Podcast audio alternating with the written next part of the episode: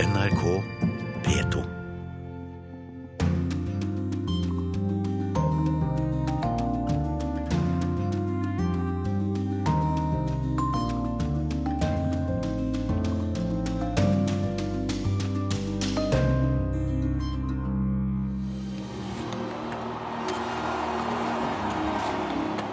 The Olympic Games in South America for the first time, but very much at home in Rio de Janeiro. Storslått OL-åpning i Rio i natt. Det skjer i et land som er i dyp krise. Store deler av det etablerte republikanske partiet fryser på ryggen av presidentkandidaten de har skapt. Det har vært en surrealistisk uke i den amerikanske valgkampen. Republikanernes presidentkandidat Donald Trump har gått helt bananas, mener politiske eksperter. Menn med hjelm grev i ruinene etter nok et angrep. Noen av dem må holde tilbake en mann som skriker i fortvilelse. Krigen raser i og rundt den viktige syriske byen Aleppo, hvor 300 000 mennesker er omringet. I korrespondentbrevet mot slutten av sendingen får du høre at frykten for terror gjør at mange turister velger andre reisemål enn Frankrike. Velkommen til Urix på lørdag. De olympiske sommerlekene er i gang etter en fire timer lang åpningsseremoni i Rio de Janeiro i natt norsk tid. 206 land pluss et lag av flyktninger deltok i seremonien, som fant sted på Rios berømte fotballstadion Maracana. Vår reporter Arnt Stefansen fulgte seremonien sammen med gjestene på en fortauskafé i OL-byen.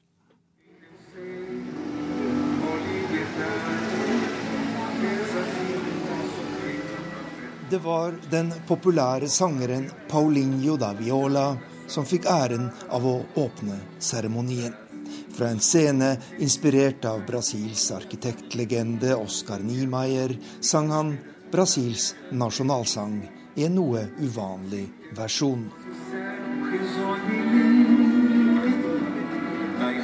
Jeg sitter på Café Rio i bydelen Copacabana sammen med en gruppe fra ulike deler av Brasil, og det er forskjellige meninger rundt bordet om hva OL betyr for landet. Den 50 år gamle Tunjara Jarpi her fra Rio de Janeiro gleder seg over at verdens største idrettsfest skal finne sted i hennes hjemby. Vi her i Rio elsker fest og feiring, og jeg tror dette blir den fineste festen i byens historie. Jeg synes det har vært sagt og skrevet for mye negativt i forkant av OL, og jeg tror pessimistene kommer til å ta feil. Selvsagt hadde det vært bedre å bruke pengene på å løse landets problemer, men når beslutningen først er tatt, tror jeg at OL vil bringe mye positivt, sier 50-åringen. I sit down on the grounds of the nation's capital. Fred og bærekraftig utvikling, det er de viktigste stikkordene for kulturprogrammet under OLs åpningsseremoni. Vi blir tatt med på en reise gjennom Brasils historie, fra urfolkets tid via den brutale europeiske koloniseringen og slavetiden, til innvandringen fra asiatiske land og byggingen av det moderne Brasil. José Ramos fra det nordøstlige Bahia er godt fornøyd med seremonien. Um. Det var en fin seremoni, og vi likte godt at man trakk frem kultur fra favelaene, de fattigste områdene her i Rio de Janeiro. Men jeg skulle ønske at selve OL hadde like mye fokus på disse delene av byen. Med de enorme investeringene som er gjort, kunne man ha gjort langt mer for å jevne ut de store forskjellene mellom rike og fattige områder, men det er dessverre ingen tradisjon for dette her i Brasil, sier han.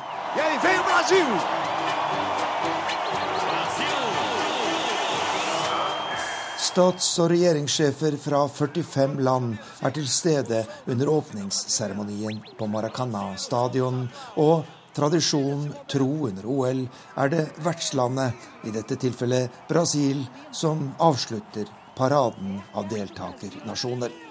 Brasil stiller med sin største OL-tropp noensinne, og Tonjara Jorpi sier hun er stolt når det brasilianske laget dukker opp på skjermen.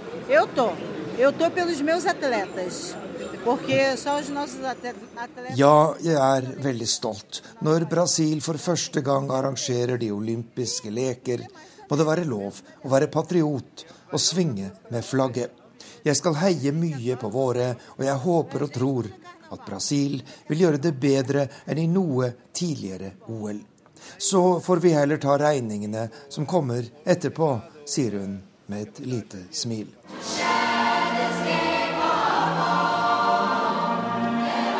Opptakten til OL her i Rio har vært alt annet enn skyfri.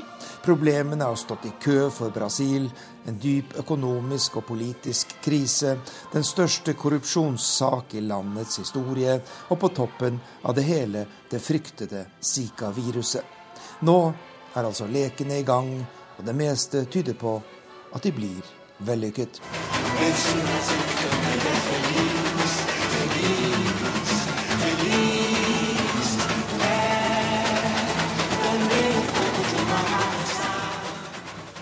Og Rios berømte sambaskoler var selvsagt også en del av åpningsseremonien. Torkjell Leira, du er samfunnsgeograf og forfatter av en bok om Brasil. Velkommen eh, til Urix på lørdag. Eh, Nina Finstad Berg, du er sentralstyremedlem i SV og fotballblogger, og du er med fra studio på Lillehammer. Eh, først Leira, du mener at OL i Rio er en fryktelig dårlig idé. Hvorfor det? Det henger sammen med det som eh, Arnt Stefansen viste også i sin reportasje her, at selve OL burde hatt mer fokus på favelaen. Og et sånt stort megaarrangement burde ha vært med på å utjevne forskjellene mellom fattig og rik. Et uh, sommer-OL koster 100 milliarder kroner, eller kanskje mye mer. Den endelige regninga vet ikke vi ennå. Men veldig mye av det går til å bygge idrettsanlegg, det går til å bygge um, infrastruktur i de allerede rikeste delene av Rio.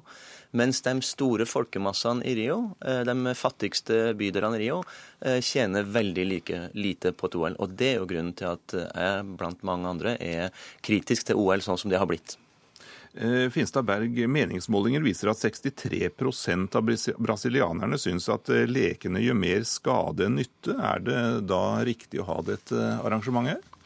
Så Jeg er enig med, med Leire at det er store spørsmålstegn ved, ved et OL i Rio. Eh, I forkant så ble man jo lova framgang for alle, eh, men man ser nå at skattebetalernes penger ender i lommene på noen få veldig rike og mektige familier.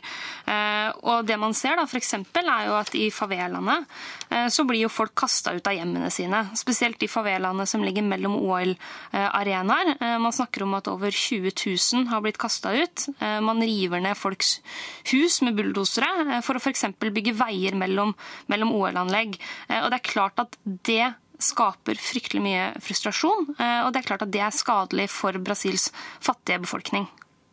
Det har vært omfattende protester foran OL her. Politiet har brukt tåregass, og det har vært kraftig sammenstøt. Hva sier det om situasjonen? Situasjonen i Brasil er jo veldig eh, kritisk, kan du si. Politisk og økonomisk. Den største økonomiske krisa på, på 20 år. Eh, den største politiske krisa på 20 år. Så det er et veldig eh, sånn betent eh, samfunn eh, som eh, OL arrangeres i. Demonstrasjoner har man jo hatt. Det hadde man rundt eh, fotball-VM. Man har hatt det nå rundt sommer-OL. De har nok vært mindre i skala nå i år enn det de var for to år siden. Men det som var litt interessant på åpningsseremonien, var jo at eh, interimpresidenten Michel Temer, som da åpna OL på vegne av, eh, av Brasil, også mottok pipekonsert på samme måte som president Dilma Rousef, som nå er stilt for riksrett, ble, mottok pipekonsert når hun åpna eh, fotball-VM for eh, to år siden. Så det er et eh, mer polarisert Brasil vi ser i dag, enn det vi har sett på mange år. Uh, Finstadberg? Ja, og Det man også har sett, er jo det at altså både VM og, og, OL eh, ble jo tildelt Brasil i en periode hvor Brasil var i vekst, ikke sant? Hadde, hadde framgang. Eh, og Man lova gull og grønne skoger, og man var veldig på høyden. og Så har man i et etterkant fått et land som er mer splitta politisk, med store økonomiske forskjeller og veldig veldig mange brutte løfter, spesielt da overfor de fattigste i favelaene. Det snakkes om bestikkelser nå i forbindelse med bygging av OL. F.eks. en av de som kommer til å tjene mest på, på OL, som er en av disse byggherrene, var også en av de fremste donorene til valgkampen til Rio-ordføreren i 2012. Og det er klart at Sånne historier ser jo ikke pent ut. og Det, det er ikke rart da at eh, en del av befolkninga i Brasil blir forbanna på at skattepenger går til den type ting. Men eh, altså, internasjonale medier har fokusert svært mye på negative ting foran eh, disse lekene. Vi snakker om problemene nå. Har mediene på forhånd hatt et litt urettferdig negativt fokus? Min eh, mening er at det er ikke et urettferdig negativt fokus. For alt det som eh, norsk og internasjonal media skriver om, det er jo fakta. Men det er klart det er et nokså ensidig negativt eh, fokus. Fordi at det fantastisk flotte med Brasil, det har jo forsvunnet litt i dekninga før OL. Men det er klart, nå når OL er i gang, og det så vi også under fotball-VM for to år siden, når mesterskapet først er i gang, da blir det full fokus på det flotte, på idrettsarrangementene, på folkefestene, og det kommer nok til å skje den gangen her òg. Og Det har jo vært litt i tiden det siste at journalister har tatt tak i eh, den skyggesiden ved sånne type sportsbegivenheter. Bl.a. i kjølvannet av alt som skjedde rundt Fifa, arrestasjoner, skandaler, korrupsjonsanklager. Og Det mener jeg egentlig er bra, fordi at eh, både OL og VM har jo etter hvert blitt en, en, milliardindustri. og det er klart at Da er det bra at journalister tar tak i også de negative sidene av det. Så mener jeg jo fortsatt at idrett også kan eh, føre veldig, veldig mye positivt ved seg. Det kan bringe folk nærmere hverandre hverandre. OL skal fremme likeverd. Man får sportshelter på tvers av landegrenser. Man har med et eget flyktninglag. Eh, og Det er jo ting som er positivt, ikke sant? og som kan bringe folk sammen. Men jeg mener at det er helt på sin plass at man også peker på eh, de enorme eh, pengesummene som brukes. Korrupsjon. Hvordan både IOC og Fifa har et litt lettvint forhold til menneskerettigheter og den type ting. Er, er, det urettferdig å si at eh, det er to kulturer som er kjent for en viss grad av korrupsjon, som møter hverandre her, altså OL-organisasjonen og Brasil? Dessverre så er svaret på det spørsmålet ja. Eh, Brasil er et land som har store korrupsjonsproblemer, og akkurat nå står midt oppi den største korrupsjonsskandalen noensinne. Hvor uh, topplederne i veldig mange store bygge- og entreprenørfirmaer de sitter fengsla pga. korrupsjon. Eh, toppledere i statsoljeselskapet Petrobras sitter fengsla, og toppledere i politiske partier, fra all fra høyre til venstre, også involvert i samme skandale. Og både Fifa, eh, både IOC og Fifa kanskje i enda større grad, er jo kjent for bestikkelser og til dels også korrupsjon. Og det er jo litt den herre uheldige, eller også uhellige alliansen at, eh, at, to sånne kulturer møtes, og man bestemmer seg på høyeste hold for å arrangere noen megamesterskap som folk flest ikke har så mye godt av. Eh, og hvor midlene eh, burde, i hvert fall det er min mening, burde ha vært brukt på en helt annen måte for å utvikle Brasil til, og Rio til et bedre samfunn. Doping har jo vært veldig sentralt foran disse lekene her, mer enn noen gang, vel. Og Finstad Berg, hvordan preger det lekene? Altså, eh, det er klart at det vil stilles store spørsmålstegn ved alle Russlands utøvere eh, etter at man har avslørt omfattende doping og systematisk doping i russisk idrett. Og Her blir jo også IOC anklaga for feighet overfor Russland med sin håndtering av saken. Det hevdes at de har visst om problemet eh, lenge. De dumper avgjørelsen på å utestenge eller tillate russiske utøvere å delta i OL ned på særforbundene istedenfor å ta en avgjørelse avgjørelse selv. Og det er mange som er, er veldig kritiske til hvordan IOC har håndtert den eh, dopingsaken. Og doping er jo et problem for idretten fordi at hvis man ikke kan stole på at utøvere er rene, så ødelegger det hele grunnlaget for den type sportskonkurranser. Så det er klart at eh, det er nok mange som vil følge ekstra godt med i år. Eh, og det er jo synd når man, når man sitter og tenker sånn ja ja, hvilke medaljer fra dette OL-et kommer til å bli, bli fratatt om en to, tre, fire år når nye dopingavsløringer kommer. Helt kort, begge to. Hva blir konklusjonen når disse lekene er over? Jeg tror det ble en fantastisk folkefest, men den kosta mer enn den smakte. Ja, jeg tror OL kommer til å bli gøy, det kommer til å være fantastiske utøvere. Men jeg tror Brasil kommer til å sitte igjen med veldig lite og stor gjeld etter, eh, etter OL-et. Eh, og at folka som bor i favelaene, de aller fattigste, eh, kommer til å ha det heller verre enn bedre.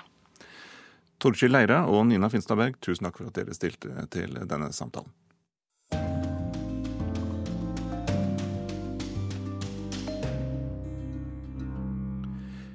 Wales ble de nye yndlingene til mange under Europamesterskapet i fotball i sommer. I tillegg til å ha sitt eget landslag, har de tre millioner waliserne også både sin egen nasjonalsang og sitt eget språk.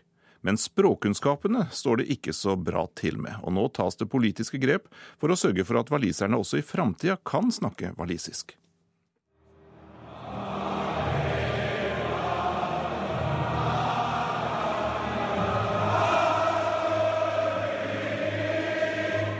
Hvis du har hørt walisisk i sommer, så er det vel helst slik det hørtes ut. Før en fotballkamp, under Europamesterskapet, der walisiske hjerter svulmet av stolthet, når nasjonalsangen runget, med strofer om fjell og grønne daler, diktere og brave krigere og et gammelt, gammelt språk.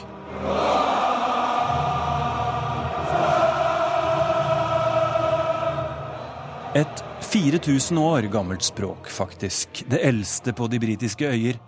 Men også et språk som stadig færre walisere forstår eller kan snakke. Et språk som kan varte opp med veldig mange konsonanter etter hverandre. Og med stedsnavn som er en solid munnfull for enhver nyhetsoppleser eller værmelder. Now, today we had a big contrast in temperature across the UK, just 12 degrees over coastal parts of eastern England with cloudy skies, but in the sunshine in northwest Wales at RAF Mona, just up the road from Llanfair Pwllgwyn, Gellgogera Drobble, Llantysilio Gogogoch. Europas lengste stedsnavn med 58 bokstaver, akkurat det der.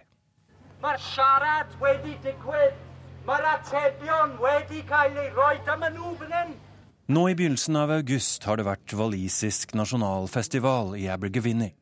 Det er en politiker fra UKIP som sitter i den walisiske nasjonalforsamlingen, skandaliserte seg ved å snakke engelsk i en debatt fordi han rett og slett ikke kan walisisk. Og han er slett ikke alene om det. Ifølge siste folketelling er det 81% av waliserne som nå ikke snakker språket. Så å si alle snakker engelsk, men bare 562 000 av landets drøye tre millioner innbyggere er walisisktalende.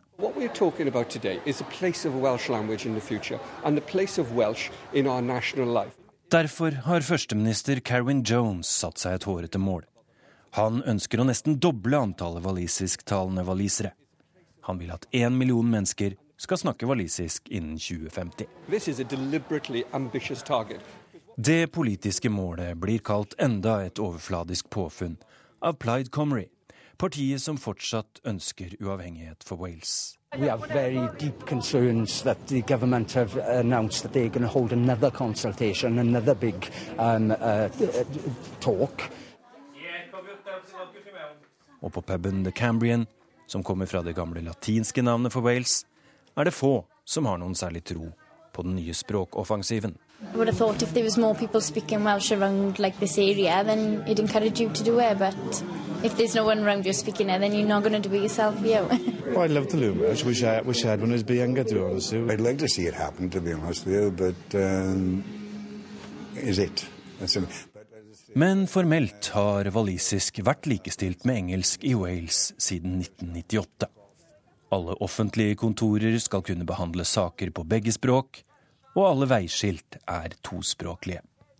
Vel, nesten alle. For noen få år siden vakte et av de tospråklige veiskiltene stor oppsikt og generell munterhet. På engelsk fastslo skiltet No entry for heavy goods vehicles, residential site only. Ingen adgang for tungtransport, dette er et boligområde. På walisisk sto det derimot i samme skrifttype litt lenger ned Jeg er ikke på kontoret akkurat nå, send inn det som skal oversettes. Skiltmakerne hadde sendt inn den engelske teksten på e-post, fått et autosvar fra en walisisk fraværsassistent, og i god tro trykket det svaret på veiskiltet sitt.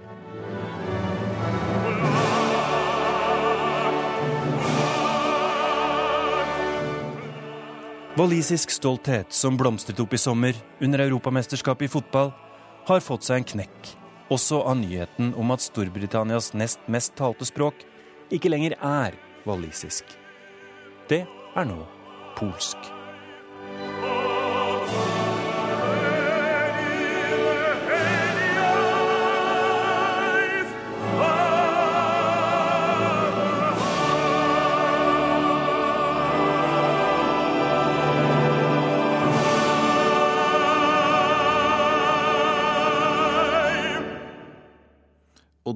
Var den walisiske nasjonalsangen 'Hen blad fyn now', og reporter var Tore Moland.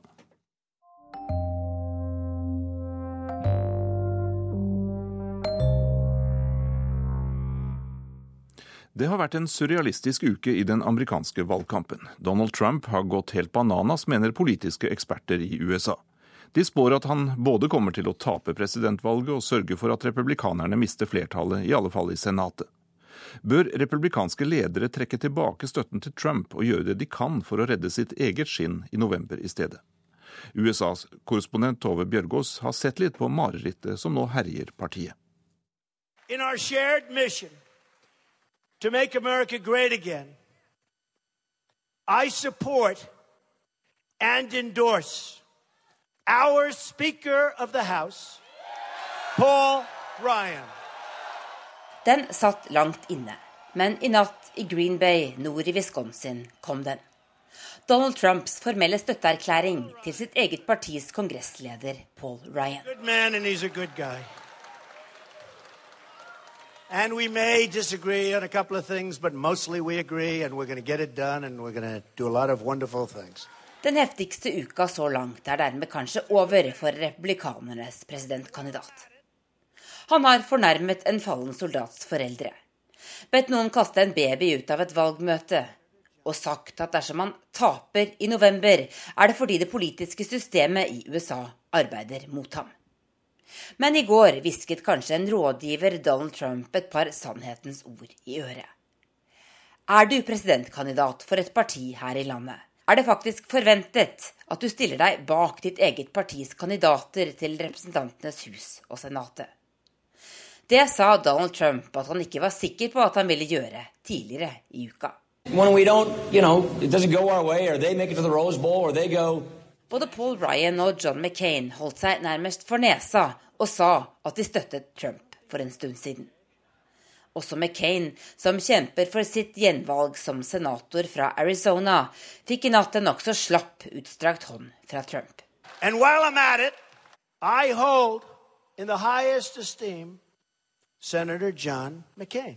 Sa presidentkandidaten uinspirert. Han leste hvert eneste ord av støtteerklæringen til McCain fra et manus, noe Trump hater å gjøre. And I fully support and endorse his reelection. Very important. Det har vært en surrealistisk uke i valgkampen. Den muslimske soldatfaren Kisir Khans kritikk av Trump satte det hele i gang. Have you ever been to Arlington Cemetery? You have sacrificed nothing. Presidentkandidaten, som selv snek seg unna tjenestegjøring i Vietnamkrigen tre ganger, kritiserte familien til en fallen amerikansk soldat. Etterpå spøkte han med at han selv aldri fikk en Purple Heart. Krigsmedaljen som gis amerikanske soldater som blir skadet eller drept i kamp. Real Purple Heart. Trump fikk låne en slik medalje av en av de frammøtte på et av sine valgmøter. I always wanted to get the Purple Heart. This was much easier. Dette er mye lettere, flirte han mens han festet medaljen til jakkeslaget. Store deler av det etablerte republikanske partiet fryser på ryggen av presidentkandidaten de har skapt. Trump seems to step into it one in one instance after another, and I think uh, uh, taking on the Khan family um, was just beyond the pale to many Republicans, and so that I think is what's driving the alarm in the Republican Party. Trump tråkker i den ene salaten etter den andre. Å angripe Khan-familien fikk begeret til å renne over for mange i partiet, sier forskningsleder Carlin Bauman ved tankesmia The Heritage Foundation til Reuters. Beskrivelsene av Donald Trumps uke er blitt stadig mer kreative. Valgkampen hans er som en bil som kjører altfor fort. Så fort at delene faller av og hele bilen snart vil gå i oppløsning, sa en rådgiver for Mitt Romney tidligere i uka. Nettstedet The Politico gikk så langt som til å gjøre en rundspørring blant sentrale republikanere, der nesten 40% sier at de kan se for seg at Donald Trump kommer til å trekke seg før valget. Men det er nok svært lite sannsynlig at det vil skje.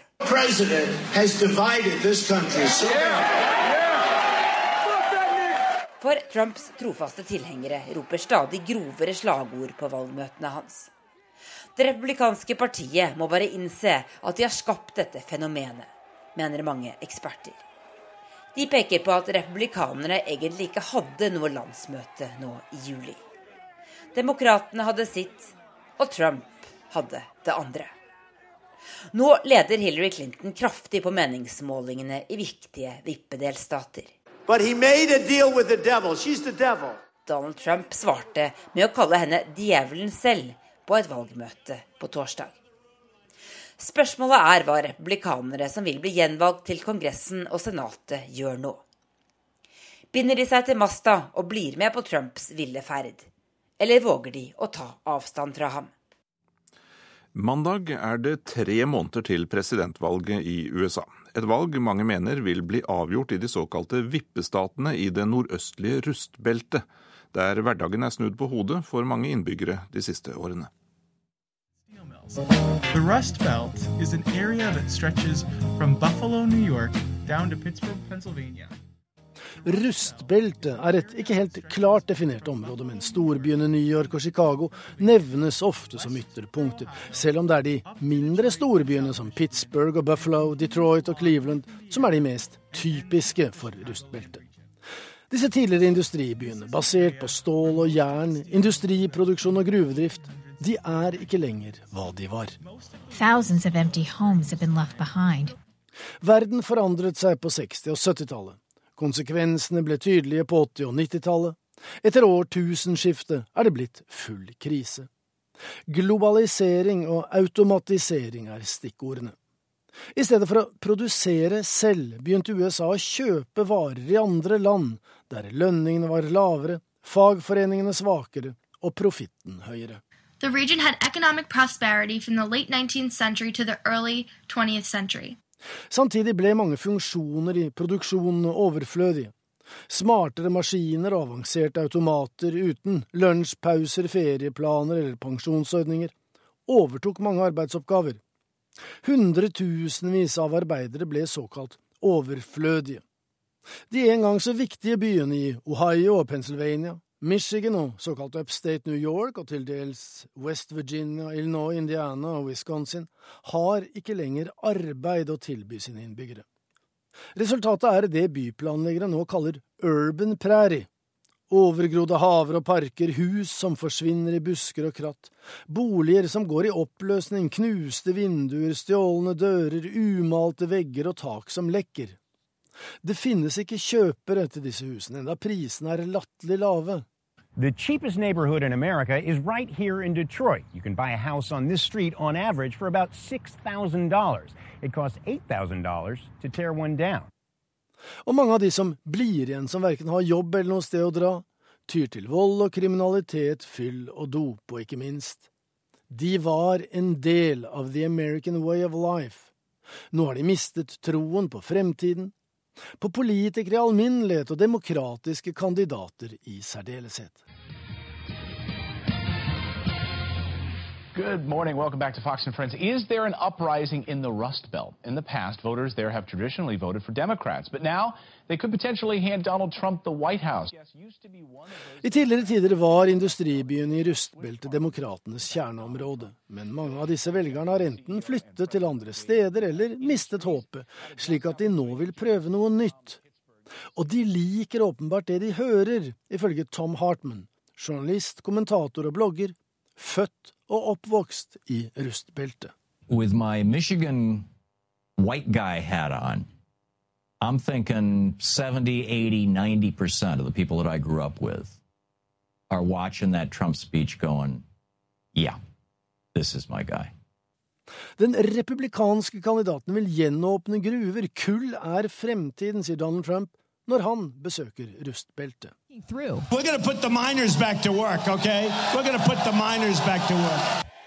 Hillary Clinton lover også gull og grønne skoger, men det krever omstilling og investeringer, vilje til nytenkning og evne til å ta inn over seg moderne teknologi, være kreativ, innovativ og offensiv.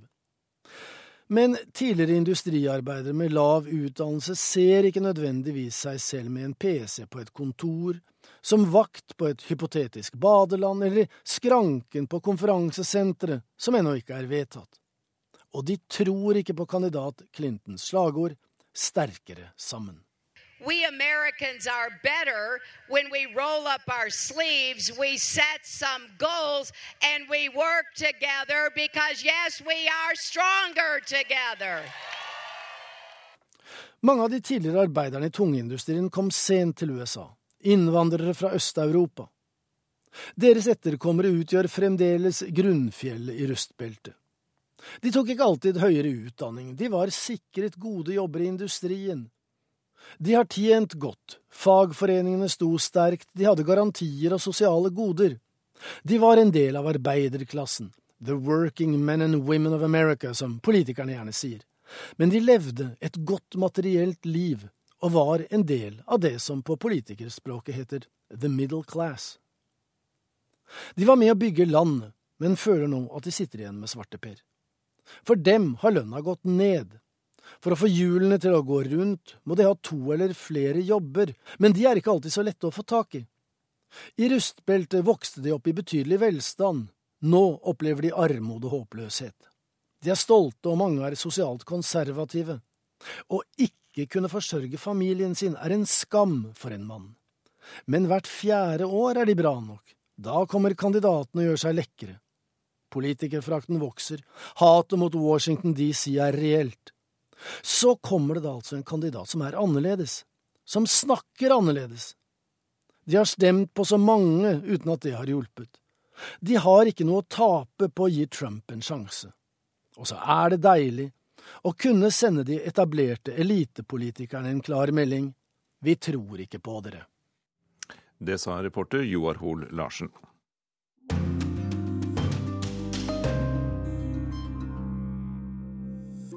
Klokka er 11.35. Følg oss videre i denne sendingen, og du får høre mer om krigen rundt den viktige syriske byen Aleppo, der hundretusenvis av mennesker er omringet. Vi skal også til Sør-Afrika, der regjeringspartiet ANC har gjort det dårligere enn noen gang siden partiet ble dannet i 1994. Hva betyr det for landets fremtid, spør vi. Og i korrespondentbrevet skal vi til Frankrike, der terrortrusselen fører til kraftig nedgang i antall turister. Krigen i Syria raser for fullt. Denne uka har det vært svært harde kamper i og rundt byen Aleppo, der 300 000 mennesker er omringet. Opprørerne har satt i gang den største motoffensiven siden krigen startet, i det de omtaler som det store slaget om Aleppo. Assad-regimet satser også mye på en seier her, for en seier i Aleppo kan bli avgjørende for utfallet av krigen. Fem menn lister seg gjennom en tunnel under bakken. Like etter går en eksplosjon av i en bygning som hører til den syriske regjeringshæren. Forrige helg starta opprørerne en motoffensiv mot regimet. Den største i krigen så langt. Og klarte å ta kontrollen over flere regjeringskontrollerte områder. Men i løpet av veka har regjeringshæren, godt hjulpet av russerne, klart å ta tilbake deler av disse. I en landsby ikke langt unna skufler en mann aske rundt et nedbrent hus. Rundt det er det flere telt, i fillebiter.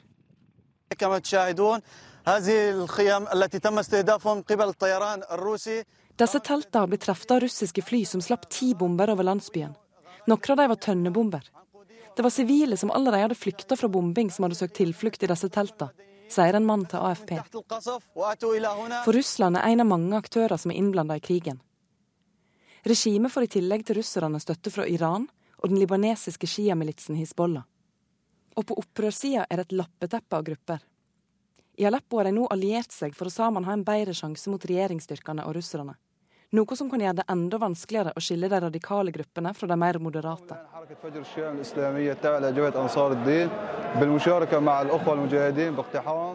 Vi deltar med våre jihadistbrødre i angrepene på regjeringshæren, sier en kriger fra en av flere islamistiske rørsler som kjemper mot Assad-regimet.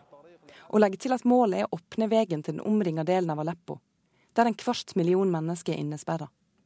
For siden regimet i midten av juli stengte Castello Road, den siste forsyningslinja inn til det opprørskontrollerte øst, har tilgangen på mat minka. Bildet fra Al Jazeera viser at en gang så bugnende matmarked, der det nå bare er en persillebunt å oppdrive.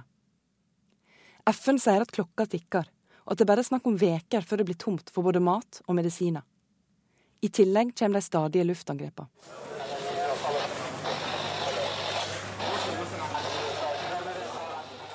Menn med hjelm grev i ruinene etter nok et angrep. Noen av dem må holde tilbake en mann som skriker i fortvilelse. Til slutt drar de en liten gutt ut av ruinene, tilsynelatende livløs.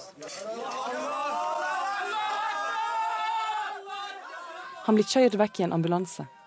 Så er spørsmålet om de finner et sykehus. Seks sykehus i og rundt Aleppo skal ha blitt bomba den siste veka.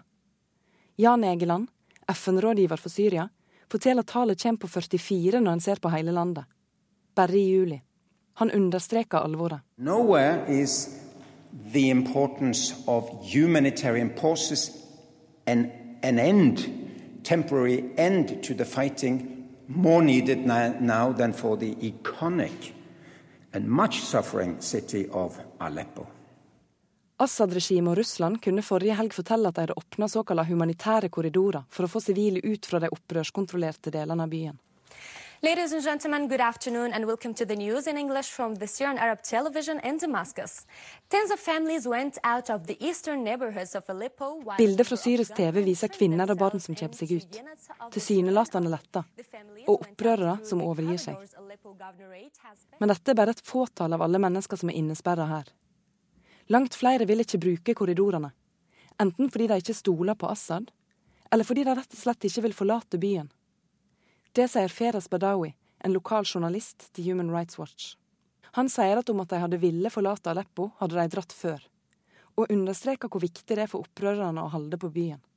Mange er òg uroa for hvordan regimet vil håndtere dem etterpå, trass i Assad sitt nylige utspill om amnesti til de som overgir seg. FN oppfordrer russerne og det syriske regimet til å overlate den humanitære bistanden til dem. USAs utenriksminister John Kerry har òg uttrykt skepsis. These are important days to determine whether or not Russia and the Assad regime are going to live up to the UN, live up to the cycle, or not. And the evidence thus far is very, very troubling to everybody. Russland på sin side forsikrer om at de gjør alt de kan for å unngå sivile tap. De to stormaktene har nylig diskutert samarbeid i kampen mot IS. Samtidig forsøker USA å få Russland til å overtale Assad til å stoppe bruken av tønnebomber og bombing av sivile i områder der det ikke er ekstremistgrupper. FNs spesialutsending til Syria, Staffan de Mistura, sa nylig på en pressekonferanse i Genéve at målet er å ta opp igjen fredsforhandlingene der i slutten av august. Han avslutta med et håp. Aleppo is becoming, as always was, a iconic place which can uh, make the world believe that there is a human political solution in Syria.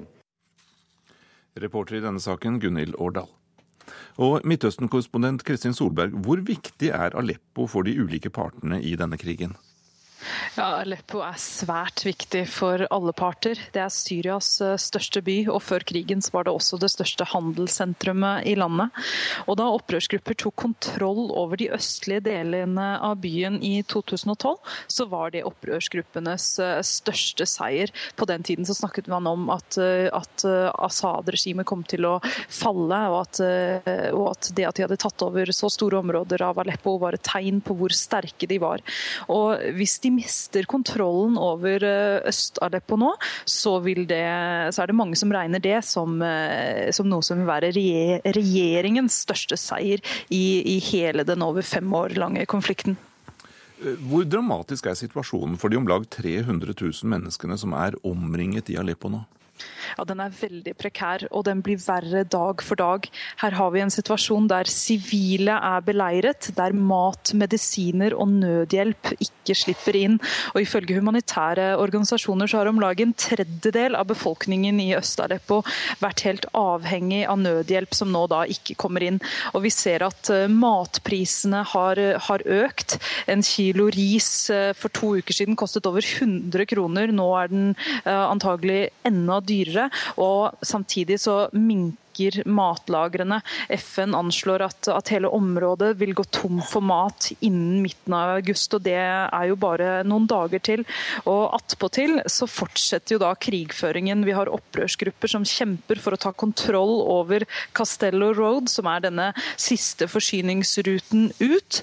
Eh, samtidig som myndighetene fortsetter luftangrepene. Det kommer stadig meldinger om, om eh, bruk f.eks. av tønnebomber fra, fra luften. Og det er en situasjon der skadede og syke ikke slippes ut. Og de få feltsykehusene som er igjen, er i ferd med å gå tomme for medisinsk utstyr og, og diesel til, til generatorene. Eh, FN holder jo på og forhandler og prøver å få inn nødhjelp, men eh, det virker som om samtalene er veldig vanskelige? Ja, det er de, og dessverre så er ikke det noe nytt i denne krigen. Vi har sett flere ganger tidligere at tilgang til nødhjelp er blitt brukt som et forhandlingskort, og spesielt da fra myndighetssiden. Eh, det vi, har vi sett flere ganger tidligere, bl.a. i forstedene til Damaskus, at nødhjelp først er kommet inn når opprørerne har gått med på å overgi seg og bli med på en, på en lokal fredsavtale, som ofte er på, på, myndighetenes eh, premisser. Og Dette bryter jo da med internasjonal humanitær eh, lov, som krever at sivile skal få uhindret tilgang til, til, nødhjelp. Men vi ser jo at folkeretten blir brutt igjen og igjen i, i denne krigen av mange parter. Eh, nå sa FN på torsdag at det pågår intens diplomati for å få til en humanitær pause i krigføringen, kanskje på to døgn, slik at, eh, slik at, nødhjelp skal få komme inn og skadede kan bli fraktet ut. De sa da at de kanskje kom til å få til noe i løpet av eh, noen dager, men, men så langt er det ingen tegn til det. Eh, virker det som om Assad-regimet er i ferd med å få overtak i denne krigen nå, eller er det for tidlig å si? Ja, Regjeringen er på definitivt på offensiven, og det har de vært eh, en god stund. Godt hjulpet av, av Russland og også Iran. Og Støtte fra begge disse har vært helt uvurderlig for regjeringen. og Spesielt siden russerne kom inn mer direkte, så har det endret maktbalansen. Takk skal du ha, Midtøsten-korrespondent Kristin Solberg.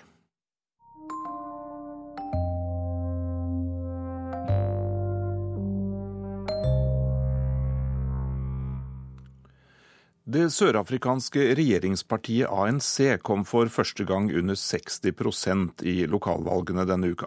Og det ser nå ut til at de får om lag 54% på landsbasis. Det er det dårligste resultatet siden ANC ble dannet i 1994. Det er et kraftig nederlag, sier politiske observatører. Det største opposisjonspartiet, Demokratisk allianse, fikk flest stemmer i industri- og havnebyen Port Elizabeth, men ikke flertall i kommunestyret. Perhaps it's fitting that in a city of Nelson Mandela, named after Nelson Mandela, uh, who promoted reconciliation, det passer vel ganske bra at i et område som er oppkalt etter Nelson Mandela, så er vi nødt til å samarbeide med andre partier, sier Athel Trollip, mannen som kommer til å bli ny borgermester i Port Elizabeth fra Demokratisk allianse. Og tidligere Afrikakorrespondent Tom Christiansen, hvor alvorlig er dette valgresultatet for ANC? Ja, Dette er et resultat som ANC har fryktet, og som ANC vet kommer til å føre til interne diskusjoner. Det blir en diskusjon om partilederen og presidenten Jakob Zuma er den rette mannen, og han må de jo sitte med helt til 2019, hvor det skal være nytt presidentvalg. Eh, dette er et varsel om at folk har oppfattet eh, og har mistet tilliten til lederskapet i ANC. Og det er kanskje også noen som tror at 53 av ANC ja, det er mer enn de fortjener, og det er mer enn de egentlig kunne forventet. Eh, misnøye med ledelsen, men er det andre årsaker til tilbakegangen også? Ja, det er jo Sør-Afrika har nå en økonomisk vekst på null, mens Afrika ellers fosser fram med økonomisk vekst på 6-10% Presidentens eh, korrupte atferd, som jo er tydelig for alle, og han gjør ikke noe forsøk på å rydde opp etter seg, er en annen ting. Dessuten, og det, kanskje det er det som er det verste for folk, 27% er arbeidsløse i Sør-Afrika. Det betyr at alle løftene som ANC skulle innfri, de er ikke blitt innfridd. Og det er stadig da flere som finner ut at eh, DA, Democratic Alliance, som er opposisjonspartiet, og som styrer i Cape Town-provinsen, eh, de har klart å, å skape gode resultater i det området. Og folk tenker nå at det er kanskje ikke sånn at det er ANC som er svaret på alt lenger. I denne valgkampen så har det vært protestaksjoner og sammenstøt. Hvor alvorlig har disse urolighetene vært? Ja, det, er, det, kan nok komme til å være ganske alvorlig i Sør-Afrika, fordi dette er nå noe nytt. Vi så det også under gruvestreikene, eh, at det endte med voldsomheter. Eh, det er en uro blant ungdommen i Sør-Afrika som kan eh, ende i denne typen protestaksjoner. Voldelige sammenstøt. Det kan det bli mer av. Og er det noe ANC må unngå, så er det nettopp det. Fordi at å sette politiet på svart ungdom i Sør-Afrika, det er liksom apartheid-grepet. Og det gjør seg veldig dårlig at det er ANCs ledere som må gå til slike, slike handlinger. I 2019 skal det være valg. Kan det hende at Sør-Afrika står overfor et regimeskifte da? Jeg tviler på det, fordi det er mange som stemmer ANC, ikke fordi at de liker politikerne der, men fordi ANC er deres historie, og de føler at de eier ANC mer enn eh, lederne. Men ett valg til lenger fram, så kan det godt hende at opposisjonen, Demokratisk allianse og Economic Freedom Fighters kan få såpass stor oppslutning at ANC vil i noen steder Eh, miste majoriteten, kanskje også i parlamentet. Så den dagen må Sør-Afrika forberede seg på.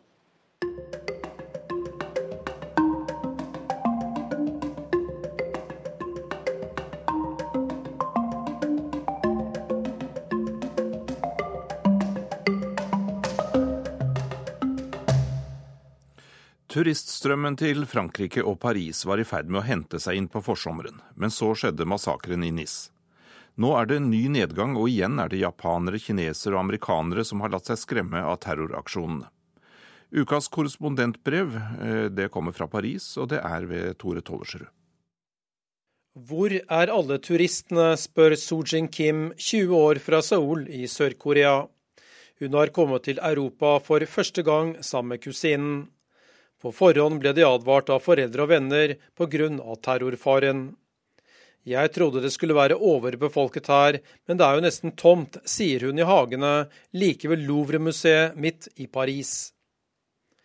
Og det er nettopp asiatene som sammen med amerikanerne har sviktet Europa og Frankrike spesielt.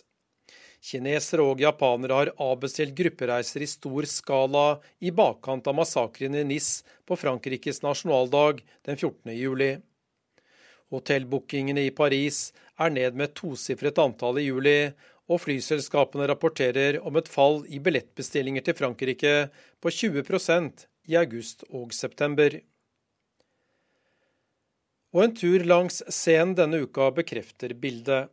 Det er glissent på flere av turistbåtene, og ved Café Faust like under den berømte På Alexandre er det nesten helt tomt ved bordene.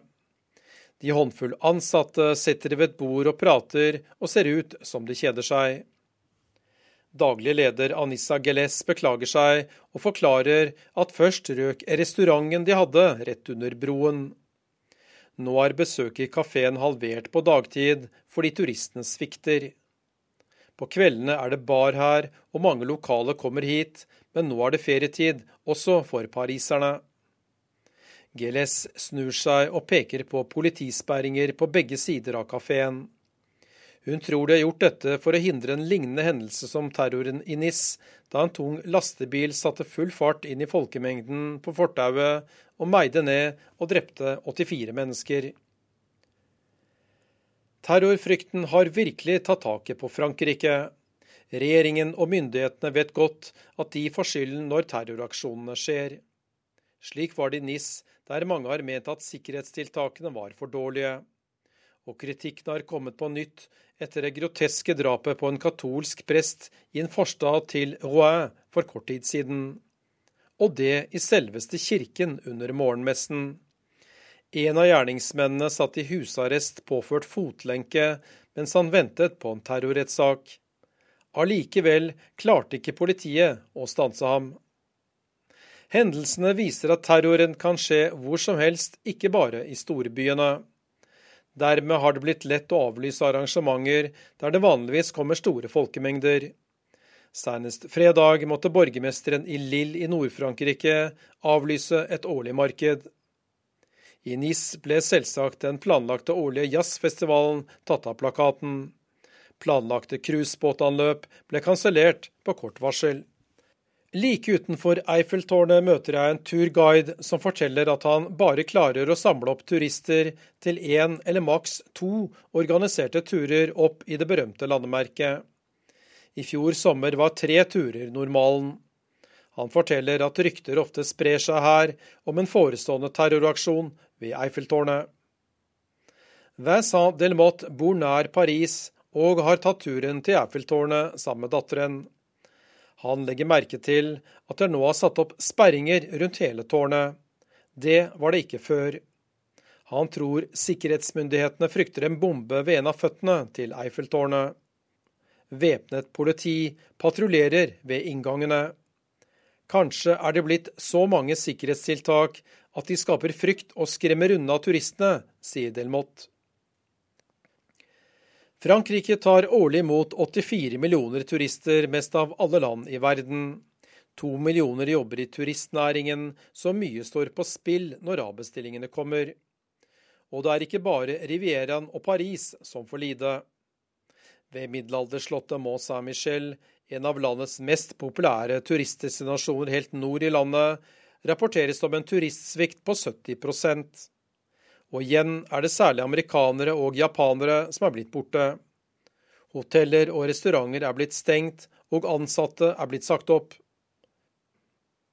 Dette har vi opplevd før, og turistene kommer tilbake når de har glemt aksjonene. Vi må være positive, sier direktør i reisekonsulentselskapet Coach Omnium til NRK. Det tar vanligvis et halvt til ett år, så er alt ved det normale, mener han. Andre tror terrorfrykten kan endre folks reisevaner på lengre sikt. Ifølge NBC News begynner amerikanske turister nå å søke mot helt nye reisemål. Det kan være Skottland eller Latin-Amerika. Noen amerikanere sier de heller drar til Vest-Afrika enn Europa. Heller ikke Afrika er immunt mot terror, men der skjer det i små byer der turister sjelden oppholder seg, sier 28-årige Valerie Bowden til TV-kanalen. En annen amerikansk turist sier det slik. Etter de første bombene i Europa sa vi at terroristene ikke måtte vinne. Etter de neste bombene la vi om ferieplanene helt. Så dropper da folk å reise til utlandet. Global turisme var ned 14% i juni, ifølge en rapport fra storbanken UBS. Temaet var nylig oppe på G20-møtet, der verdens største økonomier møtes. Der ble det slått fast at terrorisme er en trussel mot den globale økonomien. Frankrikes finansminister Michel Sapin sa det slik. Verden har hørt om terroristangrep også tidligere, men i dag er frekvensen av slike aksjoner så høy at de skaper usikkerhet på en helt ny måte, og som har økonomiske konsekvenser. Og tallene viser at turisme er en viktig næring i Europa, og står for 10% av den økonomiske aktiviteten innen EU.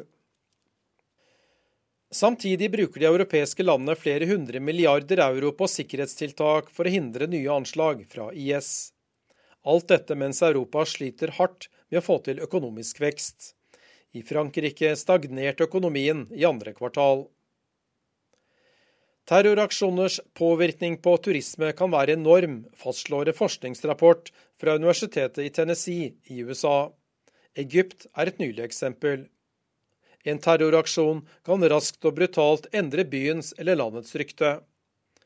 Rapporten slår fast at trygghet på reisemålet er et av de kriteriene turister legger mest vekt på når de velger hvor de skal legge ferien. Folks reiselyst verden rundt har økt, og i 2012 passerte antall turister 1 milliard. Spørsmålet nå er om de pga. terrorfrykt foretrekker å feriere i hjemlandet framfor å legge ut på reise. Andre peker på at det faktisk var flere terroraksjoner før, både på 70-, 80- og 90-tallet.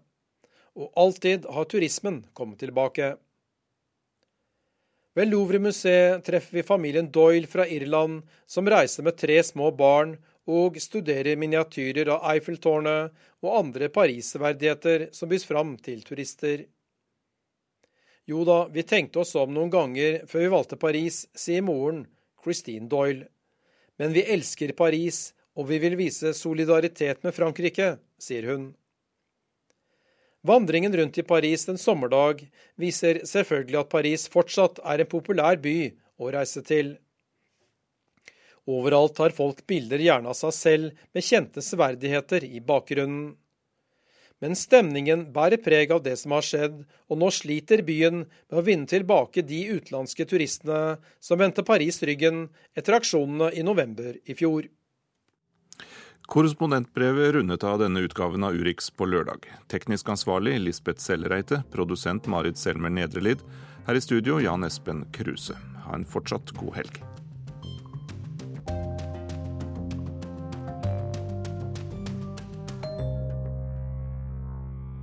Hør flere podkaster på nrk.no podkast.